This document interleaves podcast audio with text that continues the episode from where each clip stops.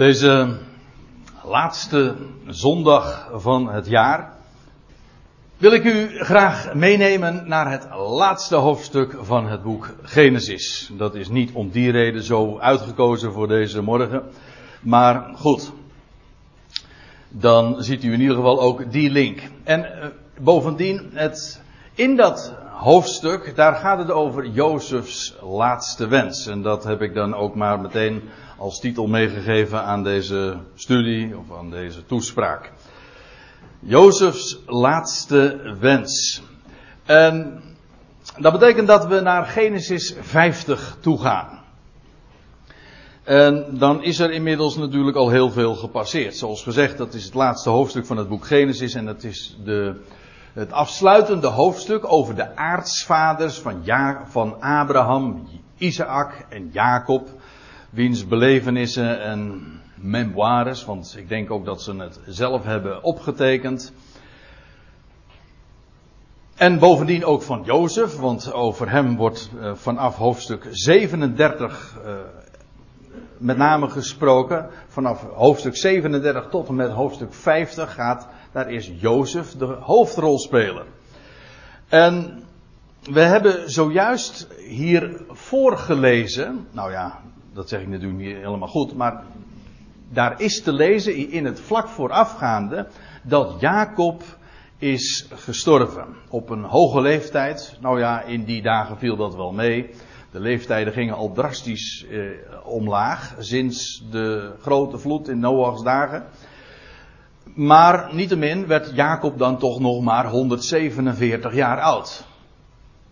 En aan het einde van zijn leven, toen was hij bepaald niet dement. Hij heeft toen nog zeer heldere momenten, eh, nou, zeer heldere dingen eh, naar voren gebracht. We lezen in Genesis 49 een schitterend hoofdstuk, dat staat in mijn Bijbel ook boven, Jacobs laatste woorden tot zijn zonen. En hij heeft profetische dingen gesproken over de stammen van Israël. Stuk voor stuk inderdaad voorzeggend over Juda aan wie de scepter zou worden toebedeeld. Dat zou pas duizend jaar later vervuld worden. Of eigenlijk nog veel later. Maar goed, Juda zou de koningsstam worden. De en daar ook wordt gesproken over die, de stam van Juda die een leeuw, als een leeuw zou zijn. De koning der dieren. En in dat 49ste hoofdstuk komen al die zonen zo aan bod. En dan in hoofdstuk 50 lezen we dat hij.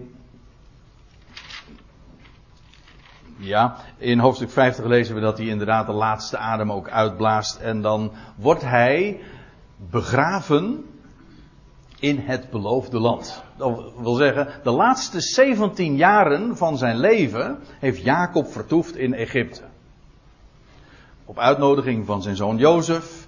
En hij heeft dus nog, eh, op zijn 130ste kwam hij in Egypte. En toen heeft hij nog 17 jaar in Egypte geleefd. En toen hij overleed, toen had, dan had hij ook van tevoren gezegd: Ik wil begraven worden bij mijn vaderen. Dat is uh, een hele specifieke reden, heeft het ook. Daar lag de toekomst van hem. Dat wist Jacob. En we lezen dan, na zijn, vader, na zijn vader begraven te hebben, dat wil zeggen nadat Jozef zijn vader begraven heeft met zijn broers, maar dat lezen we in het navolgende.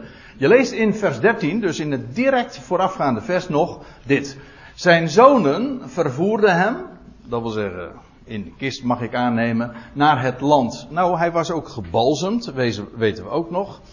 Uh, uh, zij vervoerden hem naar het land Canaan en zij begroeven hem in de spelonk van het veld van Macpela, welk veld tegenover Mamre gelegen is. Uh, Abraham tot een eigen grafstede had gekocht van de Hethiet Evron. Die geschiedenis leest u veel eerder in het boek Genesis. Waar Sarah begraven moet worden en later wordt Jacob daar ook begraven en Isaac wordt daar begraven. Allemaal uh, op deze plek. Het, het, was ook het enige bezit dat, dat de aartsvaders in het beloofde land hebben gehad. Een, een graf. En niet meer dan dat. En het feit dat ze juist daar begraven wilden worden, dat is niet zo gek. Want God had zijn eed gezworen. We zullen dat straks trouwens ook nog zien. Hij had een belofte gegeven. Dit land zal ik aan jullie en jullie zaad geven. Daar, in dat land, lag de toekomst. En daarom wilden ze daar ook begraven worden. Jacob en de zijne en de aartsvaders, ze wisten van opstanding. Ik hoorde van de week, nee, niet van de week, dat was eh, eerder. Dat was op de EO-televisie nog uh, Thijs van de Brink zeggen van nou, in het Oude Testament hadden ze nog helemaal geen weet van, van opstanding en van leven na de dood. Nou, dat kunt u wel vergeten hoor. Echt wel. De aartsvaders die, die, die, die leefden juist bij de wetenschap dat God de doden doet herleven. Nee, niet dat een mens uh, voortleeft na de dood als een schimmige ziel. Nee, concreet. De doden zullen herleven. Dat is zo'n oerbijbels concept dat gewoon vanaf den beginnen bekend was. En uh, we zullen dat trouwens straks ook nog zien. Ja, Abraham, hij geloofde in de opstanding. Juist omdat hij geloofde in de opstanding kon hij zijn, zijn zoon Isaac ook offeren. Want hij heeft overwogen, lezen we later ook, dat God bij machten was hem uit de doden op te wekken. En bij wijze van spreken heeft hij dat ook uit de doden teruggekregen. En goed, naar het land Canaan. En daar in die spelonk van Machpela, daar bij Hebron, tegenover Mamre. Dan zeg je van, ja, waarom moet dat er allemaal zo bij vermeld worden? Maar dat is een, even, even korte toelichting nog daarbij. Want Mamre, dat speelt in het boek Genesis nogal eens een rol. De eerste keer is het, meen ik, daar blijf ik vanaf, maar ik meen in Genesis 13 al, of 12, dat Abraham, als die geroepen is, dan, keert, dan, ja, dan gaat hij inderdaad, zonder dat hij weet waar hij gaat arriveren, komt hij aan in het land Canaan en dan slaat hij zijn tenten op bij de eikenbossen, staat er in de Statenvertaling, of bij de terebinten, de MBG-vertaling van Mamre. Dat zijn eikenbomen van Mamre. Iedere keer lees je weer de eikenbomen van Mamre. En u moet zich realiseren dat een eikenboom in de Bijbel een monument is. Dat zijn ook monumentale bomen natuurlijk. Maar ze herinneren, een monument herinnert, hè, een eh, eikenboom herinnert aan de belofte van God. Dat is in onze taal niet zo helder, hoewel in de symboliek wel weer. Maar in het Hebreeuws is het woord voor eik hetzelfde als het woord voor eet.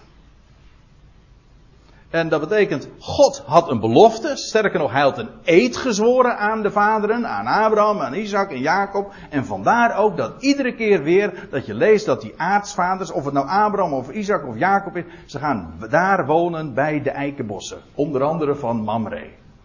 Waarom? Het herinnert aan de eed die God had gezworen. Dat heeft ook alles nog weer te maken met het teken van de besnijdenis. Waarbij de eik ook weer een rol speelt. En de vrucht van de eik. Denk daar maar eens over na. Maar in ieder geval, het is monumentaal en het is een herinnering aan de eed die God heeft gezworen.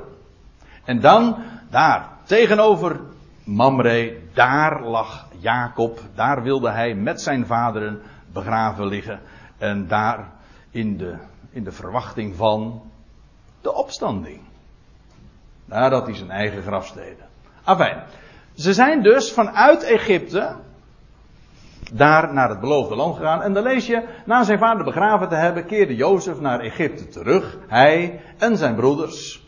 En alle die waren meegegaan om zijn vader te begraven.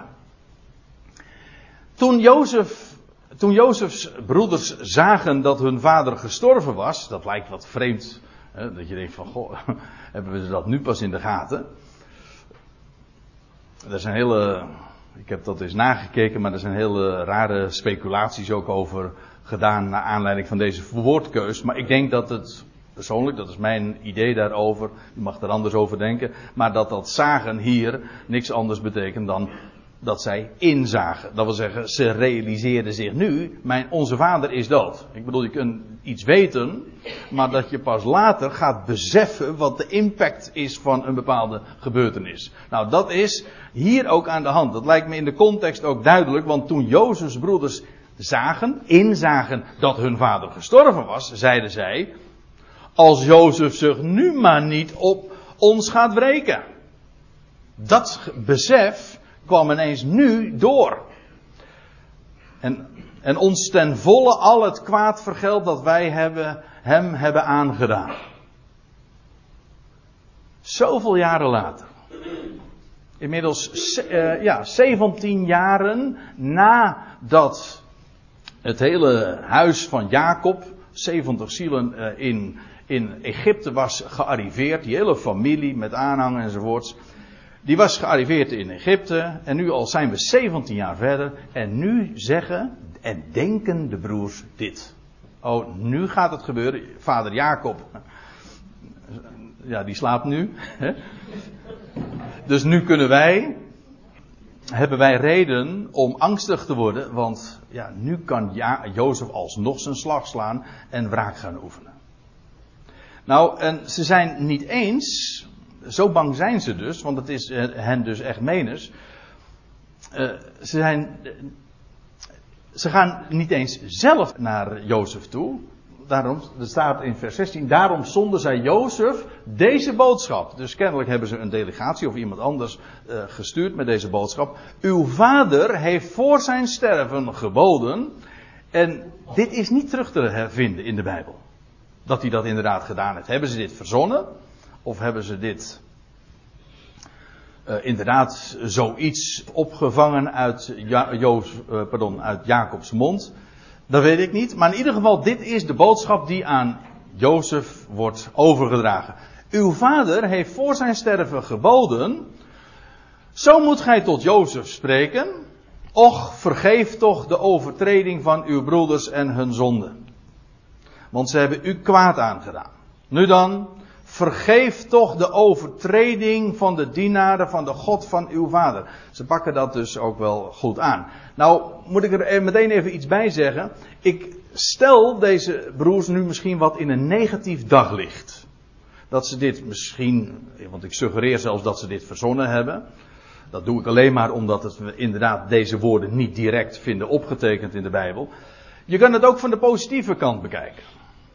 In die zin dat hun broers, of de broers van Jozef, zich nu realiseren.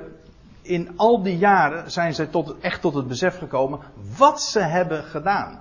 En wat ze Jozef hebben aangedaan. En nu, en met die erkenning, met de boodschap die ze dan ook doorgeven aan Jozef, geven ze dat ook volmondig ook toe.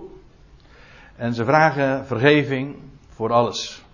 En let dan ook op de wijze waarop dat dan afgesloten wordt. Nu dan vergeef toch de overtreding van de dienaren van de God van uw vader. Dat wil zeggen, terwijl zij dus diep door het stof gaan en beleidenis doen van dat wat ze Jozef ooit, en trouwens hun vader ook hebben aangedaan, zeggen ze tevens, denk eraan, wij zijn dienaren van de God van je vader. Hoezeer we ook eh, misstappen, dat lijkt me nog vrij zwak uitgedrukt, hoezeer we ook kwaad hebben gedaan, we zijn niettemin dienaren van de God van jouw vader. Nou, dat moet je toch aanspreken. In elk geval, en dan lees je, Jozef is zeer aangedaan. Jozef weende, staat er, toen men zo tot hem sprak. Was hij ontroerd, nu doordat ze zelf ook inderdaad erkende, ruiterlijk erkende, zoveel jaren later nog, en het uit hun eigen mond ook kwam dat ze nu dit zo eh, beseften en erkenden dat ze dat kwaad hadden gedaan. Is dat de ontroering geweest? Of, nou vraag ik je nog iets anders. Is Jozef juist ontroerd geweest om het feit dat ze hem na al die jaren nog steeds niet echt kenden? Persoonlijk opteer ik voor het laatste. Oké, er wordt hier verder geen melding gemaakt over de motieven en wat Jozef ertoe bewogen heeft, letterlijk en figuurlijk. Maar ik denk het laatste. En ik zal dat ook straks ook wat, uh, wat duidelijker maken, denk ik. Maar eerst nog even dit. Jozef weende. Dat is eigenaardig, want dat gebeurt nogal eens een keer in het boek Genesis. Sterker nog, dit is de zevende keer al dat Jozef weende. Het is de laatste keer ook dat we dat lezen. Jozef heeft natuurlijk ook wel heel veel reden gehad om te huilen. Het is een, hij heeft een bewogen leven gehad. Wat dacht je wat? dat, hoef ik, uh, dat hoef ik niet uit te leggen. Ieder die, uh, die zijn geschiedenis enigszins kent. En het is een van de bekendste verhalen. En ook een schitterend verhaal natuurlijk in, in de Bijbel. Over zijn leven. Maar dat is door diepe dalen is hij tot grote hoogte gekomen. Een schitterend type natuurlijk ook van onze Heer Jezus Christus. Maar Jozef, hij weende. Laten we eens kijken wanneer dat gebeurde. Ik, ik, schrijf hier, het is de zevende keer dat eh, we dit lezen, dus er zijn zes keren aan vooraf gegaan en ik wil ze met u even kort langs gaan. Je leest de eerste keer in Genesis 42, dan komen de broers bij hem op bezoek, volstrekt onbekend nog van met wie ze van doen hebben. Dat, hij, dat, dat ze een broer bij zich hebben, of die voor zich hebben staan. De onderkoning van Egypte. En dan lees je dat als jo Jozef dan streng optreedt, dan praten ze onderling Hebreeuws. En in de veronderstelling, op deze Egyptische koning, die verstaat ons helemaal niet. Die begrijpt ons helemaal niet. Maar Jozef hoorde hen gewoon praten. Want dan zegt, ik meen Simeon tegen zijn broers, oh oh, nu wordt alles ons vergolden. Nu krijgen we op ons dak wat we ooit onze broer Jozef hebben aangedaan. En Jozef hoort dat. Toen Jozef, als hij zijn broers over hem hoort praten, eh, toen Jozef dat hoorde, uh, wendde hij zich van hen af en hij weende. Hij was diep geraakt. Kun je het je voorstellen? Al die broers die er dan voor je. En Jozef wist inmiddels, kijk, nu is vervuld ook wat ik ooit droomde. Zoveel jaren later, nou staan ze voor hem en nou hoort hij ze zo praten. En dit heeft hem zo geraakt. Hij weende. De tweede keer is in een hoofdstuk later, in Genesis 43. Dan lees je, uh, Jozef had het zo bedongen, uh, dat hun jongste broer ook meegenomen zou worden. Benjamin. Zijn volle broer. Dat wil zeggen, ze hadden dezelfde vader, maar ook dezelfde moeder, Rachel. Sorry. Toen, uh, hij ziet zijn broertje Benjamin. En dan staat er, uh, toen haastte Jozef zich weg, want zijn hart ging in ontroering uit naar zijn broer. En hij zocht gelegenheid om te wenen. En hij trad een kamer binnen en hij weende daar. Dat wil zeggen, hij wilde dat natuurlijk niet doen in het bijzijn van zijn broers, want dan zou hij zich eigenlijk ook blootgeven. Dat was nu de tijd nog niet. Maar hij ziet zijn broer Benjamin en dan ja, dan wordt het hem te veel en dan moet hij even weggaan en zoekt een kamer en hij weent daar. Dat is de tweede keer. De derde keer is in Genesis 45. Dat is de grote ontknoping van de geschiedenis. Namelijk dat Jozef zich niet langer kan bedwingen en dan moet hij zich bekendmaken. En dan staat er, het eerste wat hij doet, toen, na de bekendmaking dus aan zijn broers, viel hij zijn broer Benjamin om de hals en hij weende. En Benjamin weende aan zijn hals. Dat is het eerste wat hij doet als hij zich bekend heeft gemaakt. Zijn broer Benjamin. En Paul daarop, want dit is vers 14 en vers 15 lees je. En hij kuste al zijn broers hartelijk. Prachtig, hartelijk. Dit was niet geveinsd. Nee, hij kuste ze. En hij weende en hij omhelsde hen. Eerst met het oog op zijn broer Benjamin, maar ook al zijn broers doet hij hetzelfde. Hij weende. Dan lees je als Jacob, na aanleiding van die geschiedenis, die ontknoping van de geschiedenis, dat Jacob dan ook inderdaad, zoals ik eerder al even aangaf, naar Egypte komt en zich daar gaat vestigen om daar uiteindelijk ook te sterven. Als Jacob zijn, zijn zoon dan ontmoet, dan lees je in vers 29 van hoofdstuk 46. Toen hij, ja, Jozef, hem, dat is Jacob, ontmoette, viel hij hem om de hals en hij weende geruime tijd aan zijn hals.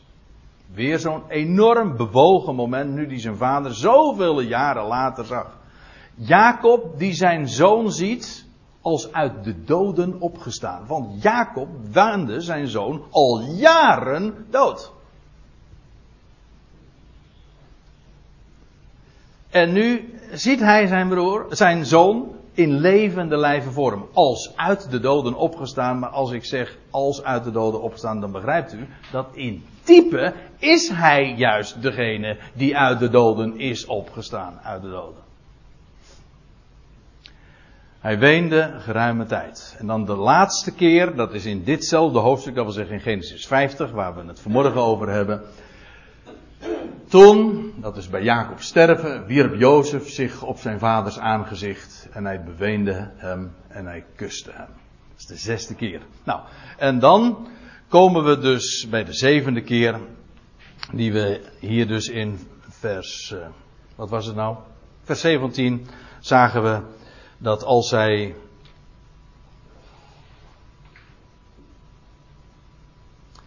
ja,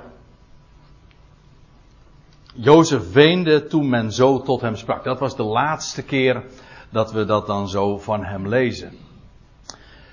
Jozef die is aangeraakt door het feit dat, hij, dat er zo gesproken wordt. Ook dan lees je, als uh, die boodschap bij Jozef is aangekomen, dan, dan staat er ook kwamen zijn broers zelf, uiteindelijk toch, ze hebben de boodschap eerst doorgegeven, vervolgens komen ze zelf. En ze wierpen zich voor hem neer en ze zeiden: Zie, wij zijn u tot slaven. Met andere woorden, van doe met ons wat je wil, want dan zijn we, we zijn jouw eigendom. Maar Jozef zei tot hen: Wees niet bang, vrees niet. Want ben ik in Gods plaats? Dat is een merkwaardige manier van zeggen. Maar, want waarom zou Jozef dat zo formuleren? Ben ik in Gods plaats?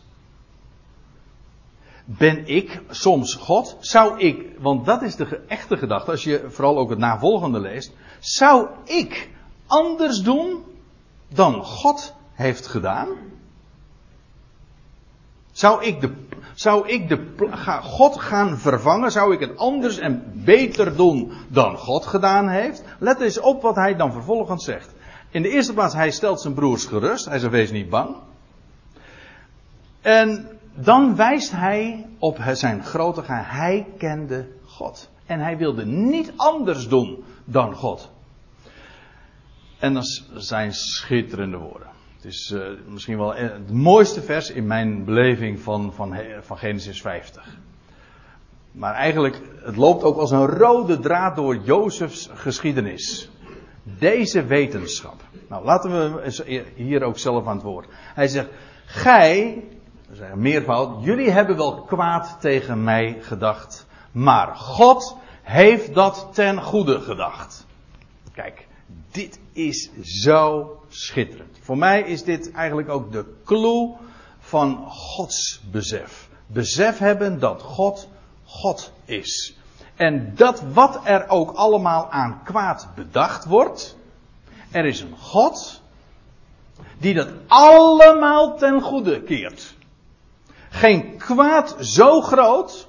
Nou, laten we toch in ieder geval vastgesteld hebben dat het kwaad wat deze broers hebben gedaan aan hun vader, aan hun broer, enorm groot is. En Jozef zegt, God heeft het allemaal ten goede gekeerd. Het moest ook zo gebeuren. Ja?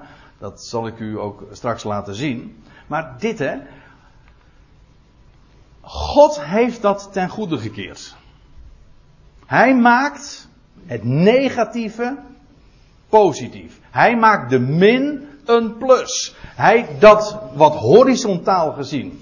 Ik ga nog even met mij in deze metafoor verder. Een min dat is, dat is horizontaal. Ja, maar verticaal gezien, van bovenaf, komt er een lijn zo door dat negatieve heen, door dat horizontale, dat op aardsniveau bekijk je het zo en dan is het allemaal negatief. Dan is het kwaad kun je er geen goed in ontdekken. Maar op het moment dat je omhoog gaat kijken, het verticaal gaat benaderen, dan is er een God met allemaal hoofdletters die daar een streep doorheen trekt, niet die min wegneemt. Dat die min staat er, maar die min is geen min meer, is een plus geworden. Dat wil zeggen, hij heeft het kwade ten goede gekeerd. Hij heeft de min tot een plus gemaakt. Kijk, dat is God. En dat is universeel waar. Gods werk is nog niet af. En hij maakt al het kwade goed. Hij maakt het inderdaad goed. En dat is God.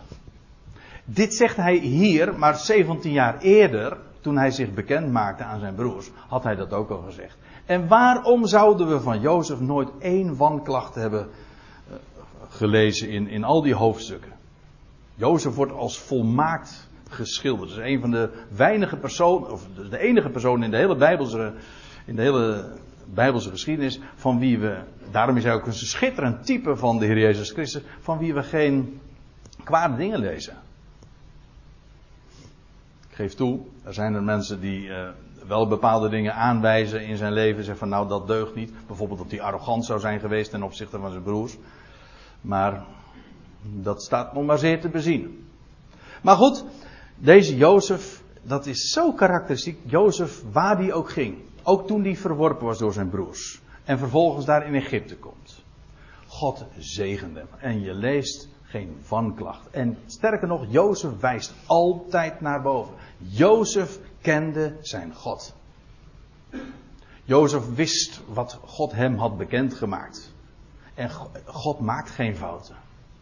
En het einde van zijn leven zegt hij dat zo duidelijk. Maar hij had het al eerder gezegd. In Genesis 45 had hij min of meer uh, woorden van gelijke strekking ook gezegd. Want dan maakt hij zich bekend. Nadat uh, er schuld is beleden. Of nadat hij ook gezegd heeft: Jullie hebben dat wel allemaal zo mij aangedaan. Maar hij zegt dan in vers 7 van Genesis 45: Daarom heeft God mij voor u uitgezonden om u een voortbestaan te verzekeren op aarde. En om voor u een groot aantal geredden in het leven te behouden. Let even op deze formulering. God heeft mij voor jullie uitgezonden. Waar is hier het aandeel van de broeders die kwaad hebben gedaan, hem in de put hebben gegooid en hebben verkocht? En... Nee, Jozef gaat daar helemaal aan voorbij. Hij, hij, spreekt daar niet eens over. God is de grote regisseur. Die heeft mij voor jullie uitgezonden. Waarom? Om jullie straks, jaren later, in leven te behouden. Kijk, ja, vraag me niet om het te verklaren, maar daar, daar is hij God voor. Maar dat is toch schitterend. God die gewoon de regie in al die, uh, in al dat kwaad dat er plaatsvindt, en het is een onontwarbare knoop van, van schuld en van lot. Je, wordt er geen wijs uit als je het puur horizontaal bekijkt. Maar God beschikt dat, hij regisseert dat. En God zegt,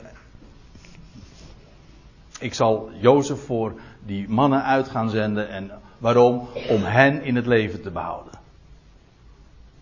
Over verzoening gesproken. Dat wil zeggen, over vijanden, het vermogen om vijanden te doen smelten, vijandschap te doen smelten en vijanden tot vrienden te maken. Lees trouwens nog even verder. De conclusie in vers 8 van Genesis 45 nog steeds. Dus zijn jullie het niet die mij hierheen hebben gezonden, maar God.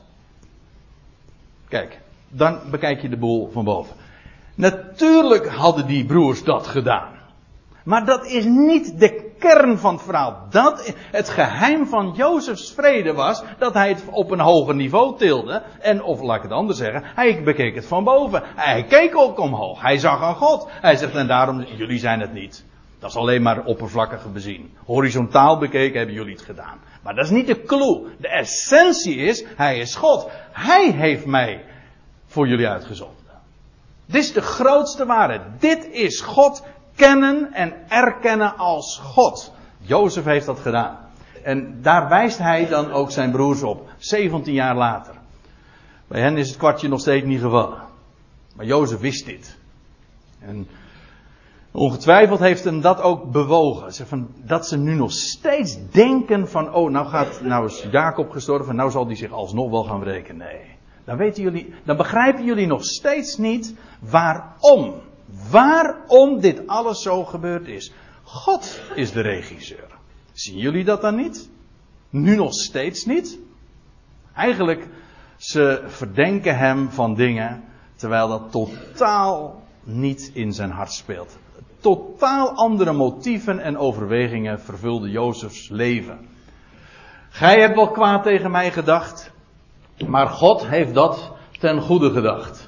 Waarom? Ten einde te doen zoals heden het geval is. Namelijk een groot volk in het leven te behouden.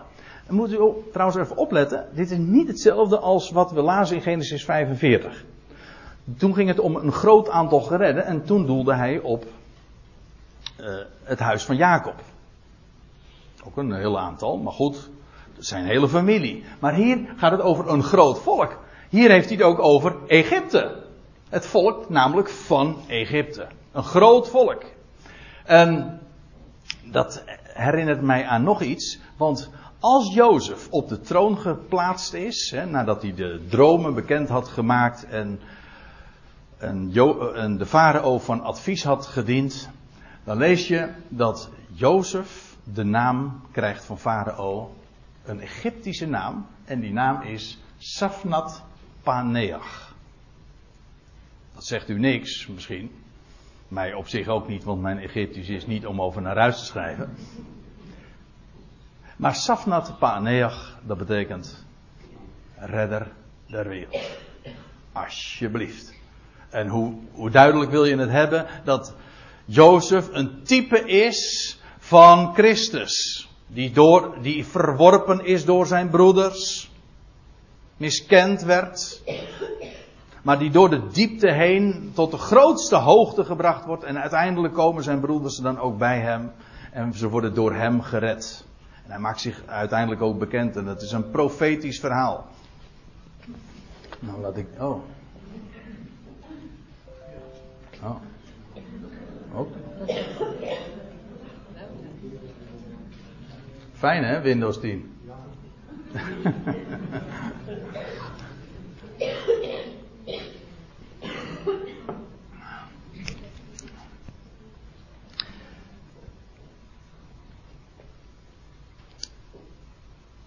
ten einde een groot volk in het leven te behouden. Dus niet alleen maar jullie, maar heel dat land van Egypte, trouwens ook van de omliggende landen, uh, kwamen de, de mensen allemaal bij hem terecht, uh, omdat hij geweldige graanschuren had aangelegd. Ja, kijk, Jozef, uh, die kende God. Jozef is een schitterend type daarmee natuurlijk van, van de Heer Jezus Christus de verworpene, de geliefde van zijn vader, als uit de doden opgestaan, maar hij is de redder van zijn volk. Maar wat dacht u wat? Hij is de redder der wereld. De farao had hem ooit die naam gegeven, Safnat Paneach.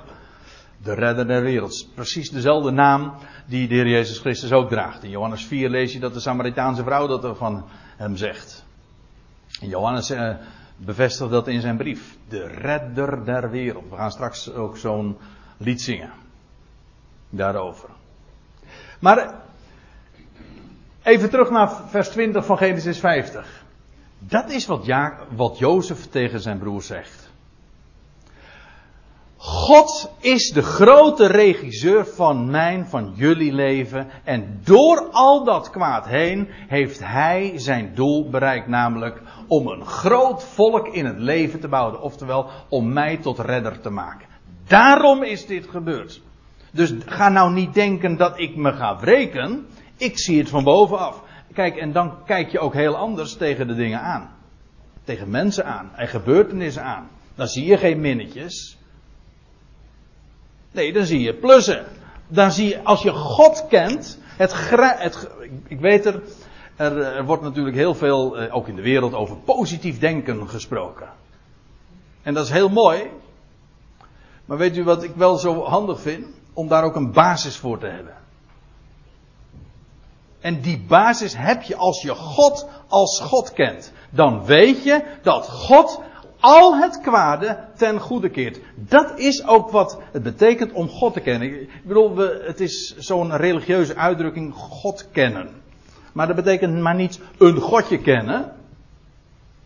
Of religieus zijn ik, ik durf te zeggen dat veruit de grote meerderheid van zij, van hen die religieus zijn, God niet kennen.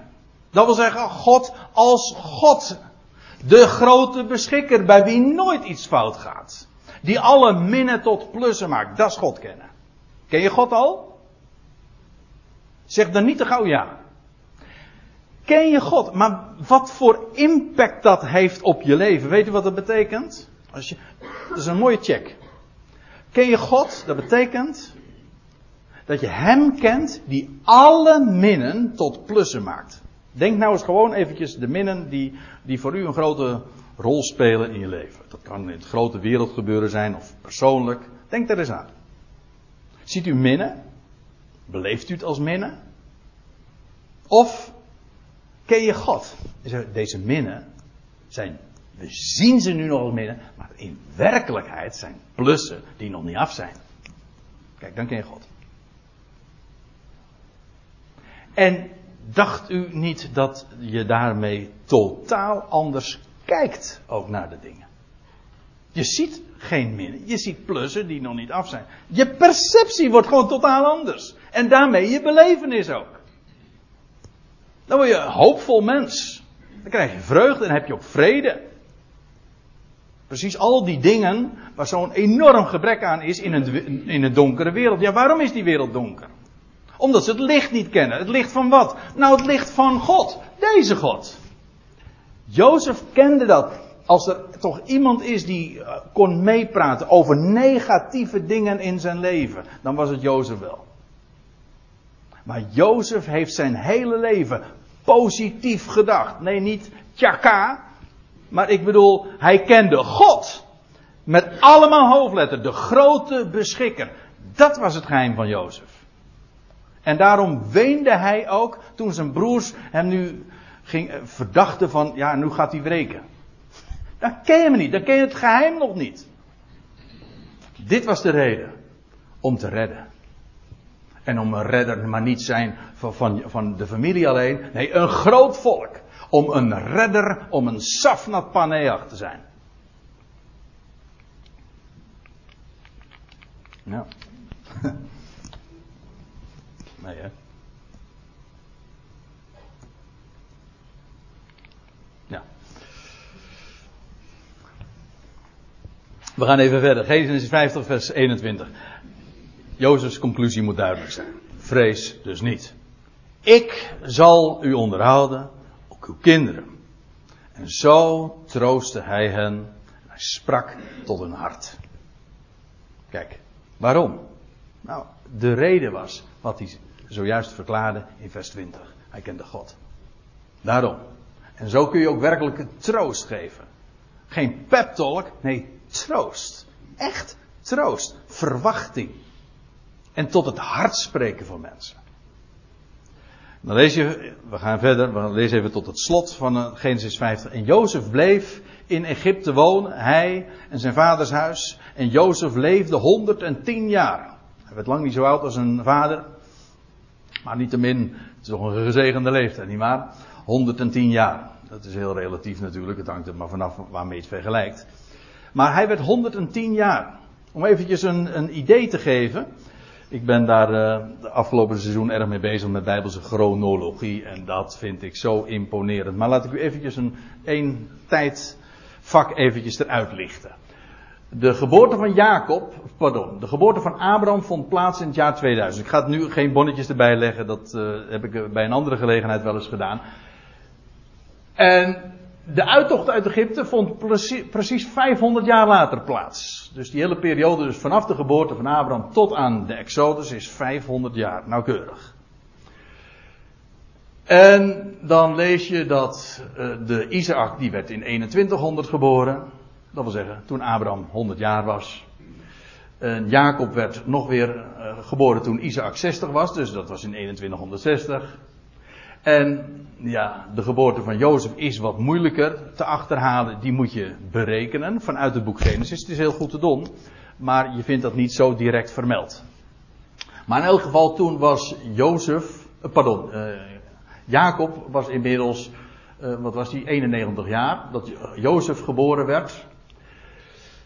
En dan in dit jaartal, gewoon om u een idee te geven van wanneer we het ongeveer moeten plaatsen, komt Jacob naar Egypte. Dat was in 2290, dat wil zeggen sinds de schepping van Adam.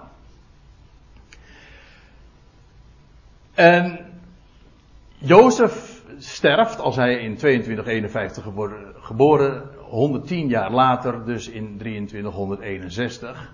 En dat is dus een periode van 110 jaar geweest. En dat is dus ook nog 139 jaar voorafgaand aan de Exodus, aan de uittocht uit Egypte. Het zou dus nog een krappe 140 jaar duren voordat daadwerkelijk de uittocht ook plaatsvond.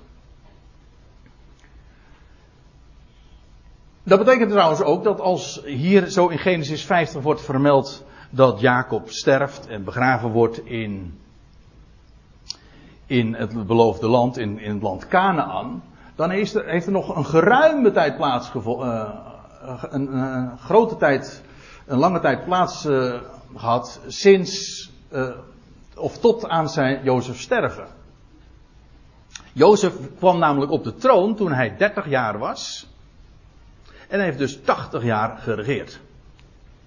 Zeven, jaar vet, zeven vette jaren, zeven, zeven magere jaren en vervolgens nog eens 66 jaren.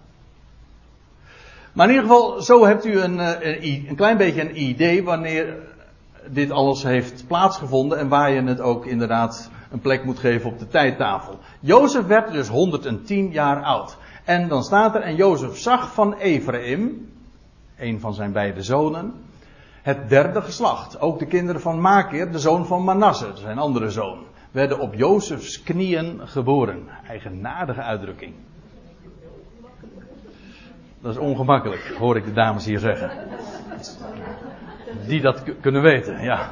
Lijkt mij ook. Je leest trouwens ook in Genesis 30, vers 3. Dat uh, een van de slavinnen van Jacob uh, een soortgelijke uitdrukking. Ze werden, de kinderen werden geboren op haar knieën. Of we dat letterlijk zo moeten nemen, of dat het een uitdrukking is, dat laatste lijkt mij in dit geval vrij duidelijk. Maar uh, laat, ik dan op nog iets wijzen, namelijk dat het woord voor knie in het Hebreeuws hetzelfde woord is als het woord voor zegen. Barak, baruch, het is allemaal zegen. Dat, maar dat is dit woord. En ik, eerlijk gezegd, denk ik dat die achtergrond er ook nog zit. Op zijn knieën geboren, dat wil zeggen ook, het was de zegen die hem ten deel viel. Doordat uh, hij zo zijn nageslacht nog heeft gezien. En die kinderen die ook deelden in de zegen van Jozef. En u weet trouwens dat het eerstgeboorterecht, de zegen van het, het eerstgeboren zijn, die, dat was toegekend aan Jozef. Dat is een heel bijzonder verhaal natuurlijk, want Jozef was bij lange na niet de eerstgeborene. Sterker nog, hij was een van de laatstgeborenen. Maar hij kreeg het eerstgeboorterecht. En vervolgens geeft Jozef, of nee, Jacob gaf het eerstgeboorterecht vervolgens aan Ephraim. Dat was ook al niet de eerstgeborene. Kent u die? Dat is Genesis 48. Dat is een heel merkwaardig verhaal dat, dat de zonen van Jozef dan bij Jacob moeten komen op zijn sterfbed. En dan gaat, en dan moet ja, de zegen gegeven worden aan de Manasse, aan de, aan de eerstgeborene, maar dat doet, ja, dat doet Jacob niet. Hij kruist zijn armen en zijn rechterhand legt hij op, op het hoofd van de jongste, namelijk van Ephraim. Ephraim was niet de eerstgeborene, maar kreeg wel het eerstgeboorterecht. De zegen kwam bij hem terecht. Eerlijk gezegd denk ik bij die knieën hier ook aan de zegen die aan Jozef en aan zijn nageslacht werd gegeven. Afijn, dan lezen we nog even verder. En Jozef zeide tot zijn broers, ik ga sterven. Jozef was een van de jongsten zoals gezegd. En of er inmiddels al andere broers waren gestorven, weet ik niet. Of al zijn broers nog in leven waren. Maar in ieder geval, Jozef uh, weet dat hij komt te sterven. En dan, zegt er, en dan zegt hij er dit bij. God zal zeker naar u omzien. En u uit dit land voeren naar het land dat hij Abraham, Isaac en Jacob onder ede beloofd heeft. Daar heb je die terebinten, die eiken weer. God zwoer een eed. Hij heeft dat gedaan aan Abraham. Hij heeft het gedaan aan Isaac en hij heeft het gedaan aan Jacob. En nu is Jozef, aan het eind van zijn leven, inmiddels weer eh, vele jaren na Jacobs dood ook, dat hij hen hieraan herinnert aan die belofte die God had gegeven. Dat ze uit Egypte gevoerd zouden worden. God had zelfs ooit al aan Abraham gezegd wanneer dat zal zijn. Hij had gezegd vanaf de geboorte van Isaac zal dat 400 jaar zijn. Niet alleen maar dus dat het zou gebeuren, maar ook wanneer het zou gebeuren. En aan de belofte die God had gegeven, daar herinnert Jozef zijn broers aan. Hij zegt, het land, dit hier, Egypte, hoe, kijk hoe goed ze het daar ook hadden. Ze, ze waren per slotverrekening nu allemaal in de koninklijke familie terechtgekomen. Maar daar, Egypte was het niet. Daar lag de toekomst niet. Het was maar tijdelijk. Trouwens, het zou grote ellende worden. Dat wist Jozef trouwens ook. Dat was namelijk ook al voorzegd. Hij zei, ik ga sterven, God, maar God zal zeker naar u omzien. Kijk, hij, hij zal gedenken. God herinnert zijn eigen woorden. En, en u uit dit land voeren naar het land. Dat hij beloofd heeft, onder ede. En van God kun je altijd op aan. De belofte van God. Zo schitterend hoe dat klinkt aan het, aan het einde van het boek. En van het einde van het boek Genesis, aan het einde van Jozefs leven. En nu zijn wij aan het einde van het jaar. En ik weet niet wat voor gedachten u allemaal hebt als u terugkijkt. Of als u om u heen kijkt. Maar wat is er waar je echt op kunt bouwen? Dan dit woord. God belooft. Hij heeft gesproken. En hij doet, hij vervult dat wat hij heeft aangekondigd. Dan zie je er helemaal niks van. Maakt niks uit. God heeft gesproken. Jozef wist waar hij het over had. En het is ook inderdaad zo gegaan. Precies op het jaar nauwkeurig is het volk uitgetrokken uit het land Egypte. Wat zeg ik op het jaar nauwkeurig? Op de dag nauwkeurig. Staat er nog bij. Ja, echt hoor. Lees het maar eens na in Exodus 12. Op de dag nauwkeurig is het volk uitgetrokken uit Egypte. Honderden jaren van tevoren al voorzegd. Kijk, zo'n God hebben we. God voorspelt niet, God voorzegt. Hij vervult wat hij belooft. En Jacob heeft daarvan geweten, Abraham en, en, en, en Isaac en Jozef, die herhaalt dit. Hij herinnert hen eraan. Jozef, hij deed de zonen van Israël, de zonen, mooi hè, de zonen van Jacob worden hier genoemd de zonen van Israël. Het bekeerde Jacob. God zal zeker naar u omzien. En dan zult gij mijn gebeente van hier meevoeren. Hier gebeurt dus iets anders dan, dan wat met Jacob was gebeurd. Jacob was na zijn sterven meteen overgebracht. Trouwens, dat was ook zijn uitdrukkelijke wens. Naar het beloofde land. Meteen. Maar Jozef zegt: Dat gaat met mij niet gebeuren. Ik ga met jullie. Ik ga pas veel later mee. Hij zegt: jullie, Dan zullen jullie mijn gebeente van hier meevoeren. Als, wanneer dan? Nou, als God naar u zal omzien. Dat wil zeggen, als hij gaat vervullen wat hij heeft beloofd, namelijk je zal brengen naar het beloofde land. Je leest later in Hebreeën 11 dit. Dat is een geweldige rij van allemaal mensen die hebben geloofd in wat God gesproken heeft. En dan staat er in vers 22 van dat hoofdstuk. Door het geloof heeft Jozef aan het einde van zijn leven gewaagd dat wil zeggen gesproken, van de uittocht der kinderen Israëls. En daarom ook voorschriften gegeven over zijn gemeente. Dat, is dat was geen stoffelijk overschot. Nee, nee, dit is, God, dit is waar God zijn belofte aan verbonden. Aan dit lichaam, dit gebeente moet begraven worden. Dus in wezen, kijk, God heeft dat stof niet nodig. En of dat nou stof of as is. Maar het gaat erom, het is zo'n geweldige handeling om te begraven. Het, je vertrouwt het in geloof toe aan de aarde. Dat wil zeggen, God gaat daar te zijner tijd weer opnieuw iets mee doen. En over de dood heen is daar die verwachting. Hij wekt de doden tot leven. Hij heeft daarom voorschriften gegeven over zijn gemeente. En hij heeft in geloof dat wil zeggen, God had gesproken en hij beaamt dat. Dat is wat geloof is. Geloof gaat niet af op wat je voelt, op wat je ziet. Mensen zeggen dat altijd, hè? je moet doen wat je ziet of je moet doen wat je voelt. Nou, dat is dus geen geloof. Het heeft helemaal niks te maken met gevoel. Als je, als je het ook voelt, als je je vrede voelt of als je je blij voelt, nou prima, dank God. Maar dat is niet wat geloof is. Geloof is juist wanneer je het helemaal niet voelt. Dat je zegt, maar, maar God heeft gesproken, dat is het. Dat is het enige wat echt telt. Dat is geloof. En door geloof heeft Jacob, ja Jacob, maar Jozef ook, van, aan het einde van zijn leven van deze dingen gesproken. God had beloofd. Daarom. En zo had hij ook zijn maatregelen genomen. Is conform wat God heeft beloofd. En wat er staat geschreven voor ons ook. En dan staat er Jozef stierf. 110 jaar oud. We uh, lazen al eerder natuurlijk dit aantal. Maar ik zal u nou nog eens wat vertellen. Er werd nog iemand zo oud. En dat is heel eigenaardig. Dat was een nakomeling van Jozua. Uh, van Jozef, namelijk Jozua. Zo moet ik het zeggen. Ja. Dus eigen, eigenaardig. Hier wordt Jozef gelinkt aan Jozua. Jozef redde zijn volk in Egypte.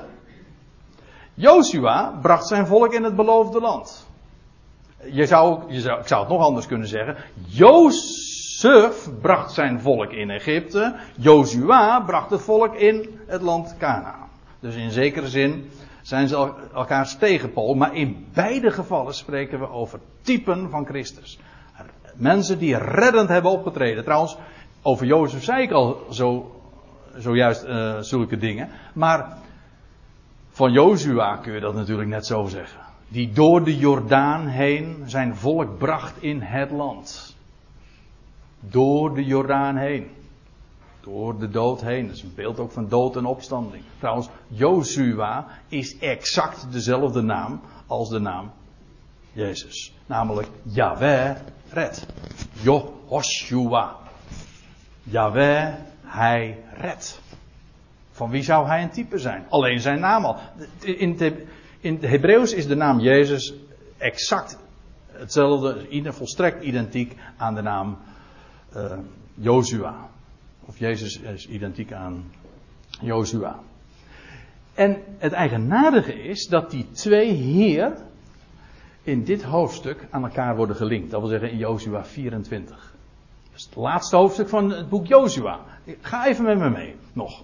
Daar staat dit. Het is helemaal aan het einde van het boek Jozua. En dan staat er in het geschieden na deze gebeurtenissen dat Jozua, de zoon van Nun, Nun, de 50, de knecht des heren stierf 110 jaar oud.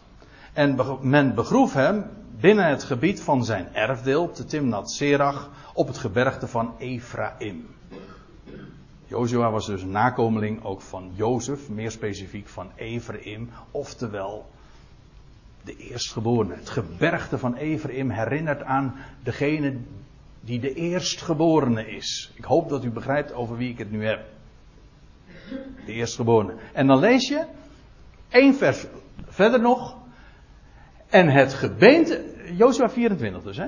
Het gebeente van Jozef, dat de Israëlieten uit Egypte meegevoerd hadden, heeft men te Sichem begraven. In het stuk land dat Jacob voor honderd stukken geld van de zonen van Hemor, de zwaarder van Sichem, gekocht had. En dat de Jozefieten, dat wil zeggen de nakomelingen van Jozef, hadden verkregen tot een erfelijke bezitting. Dat wil zeggen, ze kwamen dus, Jozef kwam in hetzelfde erfdeel dus te liggen als zijn voorvaders, maar ook als Jozef, uh, pardon, Jozua, ja.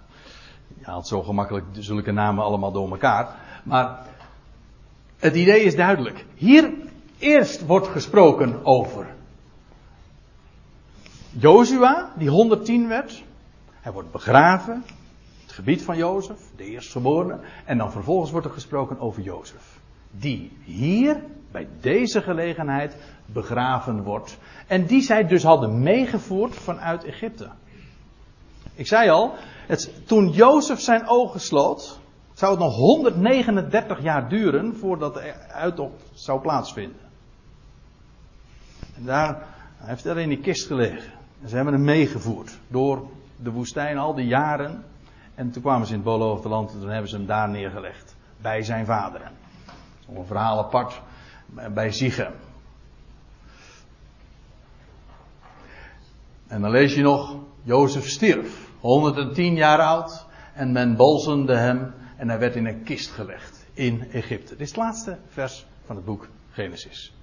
Nou wil ik u op één ding nog wijzen. En ik zie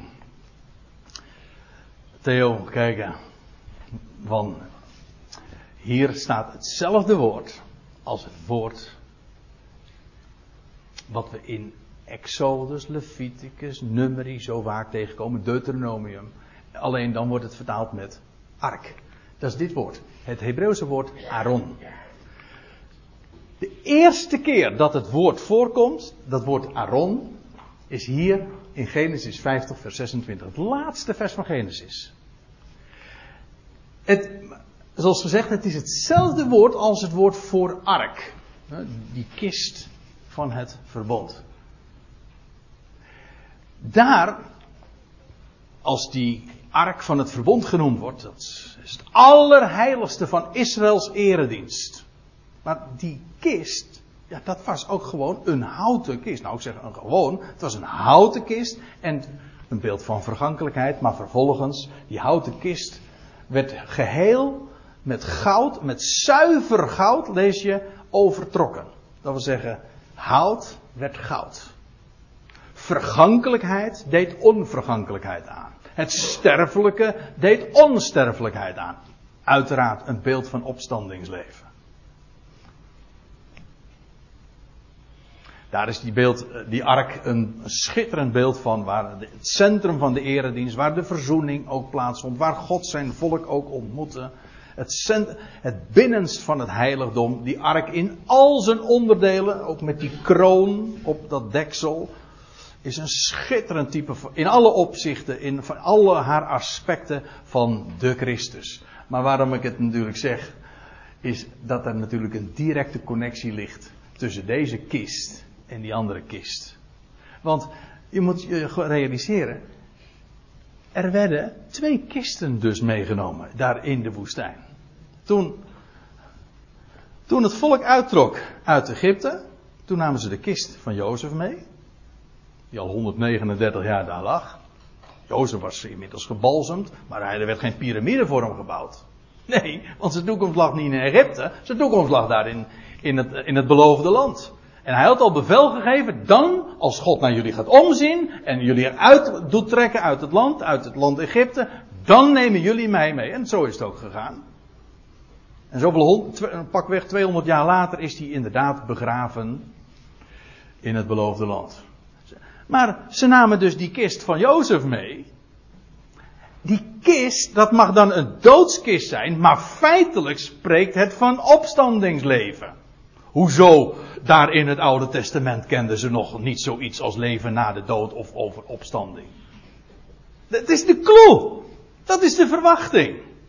Die kist, dat mag een doodskist zijn, maar in werkelijkheid spreekt het van de God die de doden doet leven. Daarom had God, pardon, Jozef bevel gegeven aangaande zijn gemeente. Daar in het beloofde land. Daar moet ik wezen. Daar ligt de toekomst.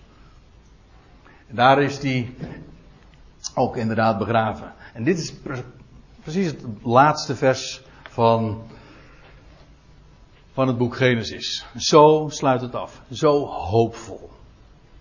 Het sluit af met een doodskist, maar in werkelijkheid blijkt daar de gedachte in te zitten de van verwachting, van hoop, van leven dat de dood overwint. De redder der wereld. En ik stel voor dat we daar ook een lied over gaan zingen.